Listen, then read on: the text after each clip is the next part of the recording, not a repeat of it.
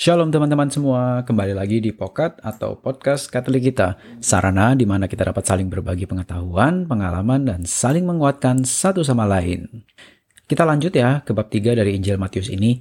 Kita bakal ngomongin sedikit tentang Yohanes Pembaptis. Kita tahu kan kalau uh, Yohanes Pembaptis atau John the Baptist itu yang manggil-manggil bangsa Israel untuk bertobat, terus dibaptis di Sungai Yordan. Dia bilang, Bertobatlah sebab kerajaan surga sudah dekat. Kerajaan surga, kingdom of heaven. Nah, ingat kan sebelum-sebelumnya kenapa kita pakai kata-kata ini dan bukan kingdom of God? Ingat lagi ya. Nah, tapi yang aku mau mention di sini adalah kalau kata-kata kingdom udah dipakai karena ini tuh ngasihin banget kalau uh, Mesias itu, Mesias itu kan artinya the anointed, the anointed one. Yang di anointed itu ya sebenarnya kan raja, king. Jadi di sini tuh Matthew udah kasihin awal-awal what this is all about gitu loh. Di Matius 3 ayat 4 kita dikasih tahu juga kalau Yohanes memakai jubah bulu unta dan ikat pinggang kulit dan makanannya belalang dan madu hutan. Di sini ya, kalau kita lihat dari konteksnya dari mata orang Yahudi di, abad-abad pertama itu fashion kayak fashion stylenya John the Baptist yang dikasih tahu barusan itu tuh tipikal orang-orang atau grup yang yang preparing themselves for the coming of the Lord. Um, jadi kayak stylenya mereka itu kayak gitu gitu loh. Jadi pembaca itu juga udah tahu lah. Terus tapi nggak cuma itu kan. Mereka juga pasti bahkan relate akan satu figure di perjanjian lama. Kita bisa lihat ini misalnya di kitab 2 Raja-Raja bab 1 di mana figur ini cara pakai bajunya tuh mirip banget sama John the Baptist. Figur ini juga seorang nabi, nabi besar pula yang nantinya benar-benar diasosiasikan ke si Yohanes Pembaptis ini. Namanya adalah Nabi Elia atau Elijah. Kenapa? Um, pertanyaannya tapi kenapa sih John the Baptist diasosiasiin banget sama Elijah ini? Ini tuh kita bisa lihat di Malachi 4. Um, jadi emang orang Israel tuh taunya kalau Elia tuh akan datang dan nyiapin bangsa Israel akan kedatangan Tuhan. Bunyinya kayak gini nih, uh, quoted ya, kutipannya. Sesungguhnya aku akan mengutus Nabi Elia kepadamu menjelang datangnya hari Tuhan yang besar dan dahsyat itu. Maka ia akan membuat hati bapak-bapak berbalik kepada anak-anaknya dan hati anak-anak kepada bapak-bapaknya, supaya jangan aku datang memukul bumi sehingga musnah. Nah, jadi ceritanya Elia yang akan bakal bantu ngerubah hati bangsa Israel kan. Kalau kita fast forward sedikit ya, kita tahu kan kisah tentang um, kisah di Transfiguration, di mana nanti para murid lihat Elia di sana kan, terus nanya ke Yesus, kenapa mereka bilang Elia harus datang dulu? Kan Elia belum datang loh. Terus Yesus jelasin kalau Elia tuh udah datang gitu loh. Di sini Matthew kasih tahu kalau para murid ngerti kalau Yesus tuh ngomongin tentang John the Baptist gitu loh. Kisah ini ada di Injil Markus juga sih. Cuma di sana nggak dimention tentang uh, John the Baptist itu uh, sebagai Elia. Kalau tapi di sini Matius benar-benar ngasih tahu jelas kalau John the Baptist itu is the new Elijah. Makanya nggak heran dia sampai jelasin cara um, atau fashionnya si John the Baptist itu karena dia benar-benar mau kita tuh bisa relate uh, John the Baptist itu is the new Elijah. Lanjut, kalau kalian nggak um, ngeh ya, ada beberapa contoh juga yang ngasih ngehint, ngasih hint banget gimana John tuh prepare the way gitu loh. Kayak misalnya, apa yang Yesus bilang di awal ministrinya? Kalian inget nggak? Bertobatlah sebab kerajaan surga sudah dekat. Itu itu omongan Yesus ya. Waktu di awal-awal ministrinya dia bertobatlah sebab kerajaan surga sudah dekat. Siapa yang ditulis Matthew pakai kata-kata itu sebelum Yesus? John the Baptist. Atau contoh lain nih. Misalnya John manggil-manggil orang Farisi itu uh, dengan sebutan brood of vipers. Yesus juga pakai kata-kata yang sama loh.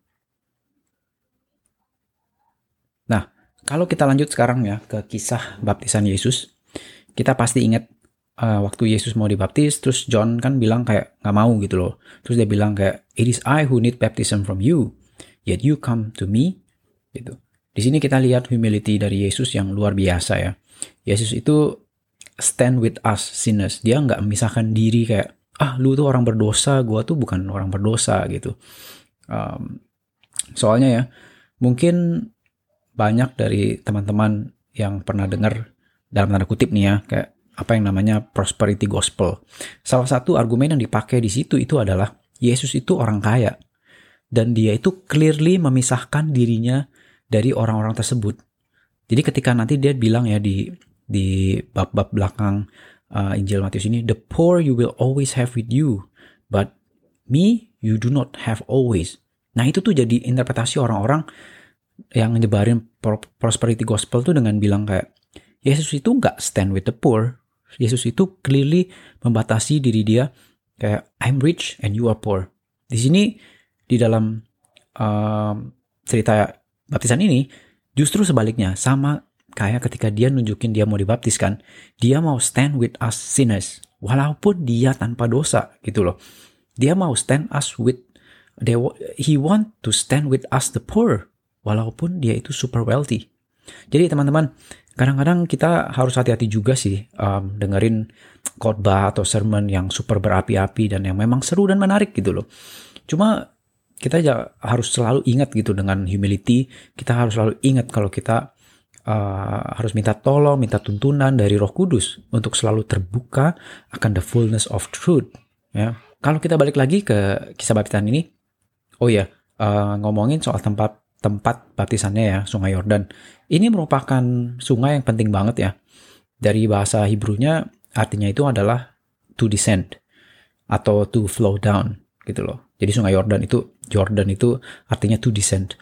Jadi ini tuh sungai yang mengalir dari North Galilea, dari Galilea Utara terus ke bawah sampai ke titik terendah dunia yaitu di Laut Mati. Kalau kita lihat paralel cerita uh, Musa lagi ya, Musa itu bawa orang Israel sampai ke sungai Yordan. Terus dia kan nggak ikut nyebrang. Terus Joshua yang lanjutin bawa mereka ke tanah perjanjian. Jadi sungai Yordan tuh jadi kayak pembatasnya gitu loh. Antara the wilderness sama promised land.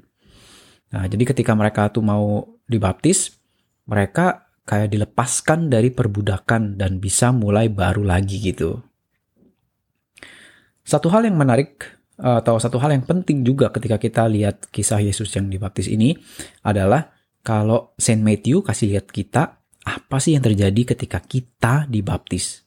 Jadi sebenarnya ketika kita dibaptis hal yang sama itu juga terjadi gitu loh. Seperti apa yang terjadi saat Yesus dibaptis. Kayak the heaven opens. Baptisan itu kan seperti pintu surga yang kebuka ya. Di mana itu adalah istilahnya pembuka bagi sakramen-sakramen lain juga. Terus kita dikasih tahu kalau kita itu jadi anak-anak Tuhan kan. My beloved son, the Holy Spirit comes upon Jesus. Dengan juga turun di atas kita loh. Jadi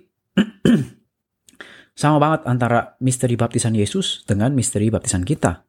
Jadi ketiga itu ya kayak the heaven opens, terus kita tuh jadi anak Tuhan, ya kan? Um, terus Roh Kudus turun di atas kita.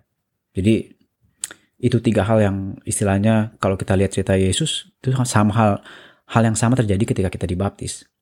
Terus ada hal yang menarik juga nih.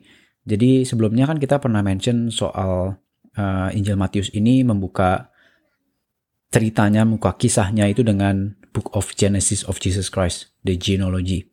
Ketika di awal kitab, kitab kejadian, roh Tuhan itu juga turun hovering above the water kan. Di sini ada allusion yang mirip banget ketika roh Tuhan itu turun di atas sungai Yordan. Kita bisa refleksiin paralel ini dengan uh, sebuah kejadian yang baru gitu. Mantep banget kan teman-teman kalau kita bisa baca kitab suci perjanjian baru itu dengan tambahan, dengan insight, dengan pandangan tuh kayak perjanjian lamanya gitu loh. Jadi kita tuh kayak bisa relate both of them. Terus di sini um, kita juga harus ingat Saint Matthew perkenalin Yesus dengan kata son of David, son of Abraham. Jadi di sini tuh kita ada allusion lagi ke Solomon King of Israel. Tapi nggak juga ke, ke Solomon doang. Tapi juga ke Isaac, son of Abraham. Kenapa Isaac itu penting kita mention di sini? Karena Isaac itu yang menjadi foreshadow self-sacrifice of son. Padahal kalau kalian bingung ya, uh, loh Isaac itu kan mau dikorbanin Abraham. Dia mah nggak bisa apa-apa. Itu karena mungkin yang ada dalam dalam bayangan kita gitu loh. Mungkin dari sekolah minggu, dari film-film kartun yang pernah kita tonton. Kita tuh mikir Isaac itu anak-anak kecil yang kayak mungkin lima tahun, enam tahun yang nggak bisa apa-apa. Padahal ya, kalau kita baca ceritanya lagi pelan-pelan, dia tuh bisa bawa kayu bakaran, yang kayu bakaran tuh nggak cuma satu dua ranting gitu loh. Bisa bakar apa sih kayu bakar dua, satu dua ranting? Bayangin kalau kayu bakaran itu benar-benar uh, suatu yang berat yang banyak dulu. Dan Abraham itu udah umur berapa waktu itu? Super tua kan? Jadi sebenarnya ya, lebih make sense kalau kita tuh mikirnya something like Isaac itu udah remaja, teenager, dan Abraham itu mungkin udah kayak kakek-kakek umur 90-an lah gitu. Jadi sebenarnya kalau Isaac mau ngelawan mah ya istilahnya lah Abraham juga nggak bisa menang kan.